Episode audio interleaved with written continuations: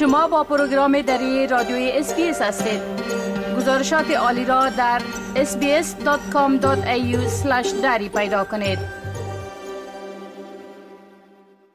شنونده های عزیز حال همکار ما سام انوری درباره نتایج آخرین مسابقات جام جهانی فوتبال معلومات میتن آقای انوری سلام عرض کنم خب اولتر از هم اگر لطفا درباره نتایج آخرین مسابقات که دیشب یا صبح امروز با وقت استرالیا انجام شد معلومات بتین با سلام به شما و شنوندگان عزیز خب دیروز یا صبح امروز روز 16 مسابقات بود و در این روز آخرین تیم های آسیایی با جام جهانی فوتبال 2022 خداحافظی کردند.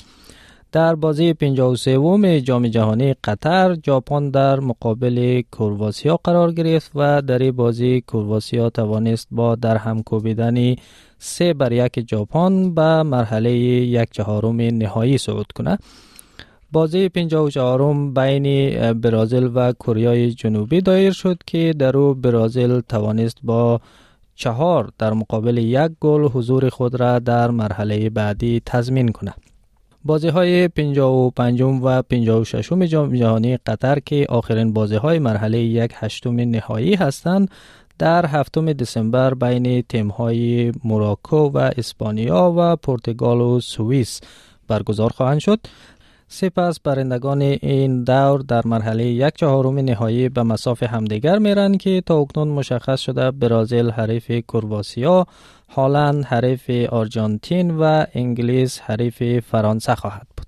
بله خب اعضای تیم ملی فوتبال استرالیا معروف به ساکروز هم پس از سمگیری در جام جهانی فوتبال در قطر به استرالیا برگشتن بله بله بازیکنان تیم ملی فوتبال استرالیا یا ساکروها روز دوشنبه بعد از واگذاری نتیجه اولین بازیشان در مرحله حذفی جام جهانی فوتبال به آرژانتین به کشور بازگشتند و مورد استقبال هواداران و دوستانشان قرار گرفتند. تیم ملی فوتبال استرالیا امسال فراتر از آنچه انتظار می رفت عمل کرد و توانست برای دومین بار در تاریخ جام جهانی فوتبال به مرحله یک هشتم نهایی صعود کنند. ساکروها در مرحله یک هشتم نهایی صبح روز یک شنبه به وقت استرالیا در ورزشگاه احمد ابن علی قطر به مساف آرژانتین رفت و دو بر یک شکست خورد. پس از شکست شام روز دوشنبه سه تن از بازیکنان تیم ملی استرالیا به ملبورن و پنج تن آنها به سیدنی برگشتند. اعضای خانواده ها و دوستان بازیکنان در میدان های هوایی ملبورن و سیدنی به استقبالشان رفته بودند تا از عملکردشان در جام جهانی قطر قدردانی کنند. جیمی مکلارن یکی از ساکروها در ملبورن گفت که آنها در برابر یک از بهترین تیم های فوتبال دنیا و برخی از بهترین ستاره های فوتبال بازی کردند و خورسند است که میدانه خوشحالی زیاد را برای اوزی ها به ارمغان آوردند. او گفت که اکنون راهیابی به مراحل حذفی به یک معیار در تیم ملی تبدیل شده و نسل های آینده باید تلاش کنند و این معیار را حفظ کنند. بله خب پس از برگشت تیم استرالیا به کشورشان اعضای تیم درباره آینده صحبت کردن و به خصوص کپتان و دروازبان ای تیم درباره آمادگی گرفتن برای قهرمانی آسیا صحبت هایی داشتن. بله.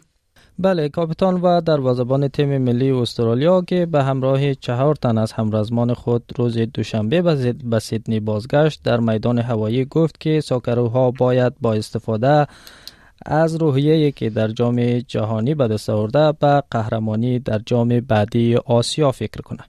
آقای مترایان گفت که می‌خواهد اشتباه پرهزینه ای را که منجر به گل دوم آرژانتین شد جبران کنه و اما می‌خواهد که به جای گذشته روی آینده تمرکز کنه.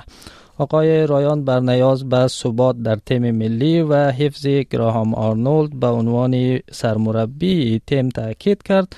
و اما آقای آرنولد که قرار است قرارداد کاریش به زودی به پایان برسه گفته که درباره آینده خود هنوز تصمیمی نگرفته است.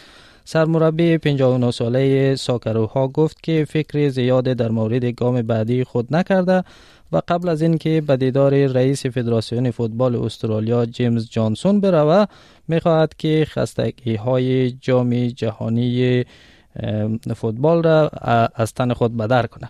اما با توجه به عملکرد خوب گراهام آرنولد در جام جهانی قطر بعید نیست که قرارداد کاری او برای یک دور دیگر هم تمدید شود.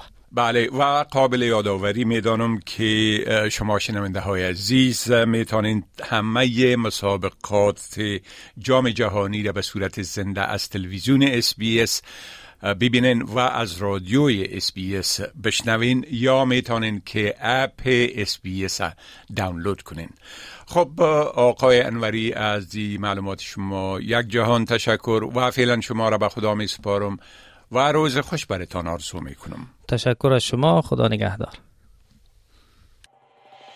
می خواهید این گونه گزارش ها را بیشتر بشنوید؟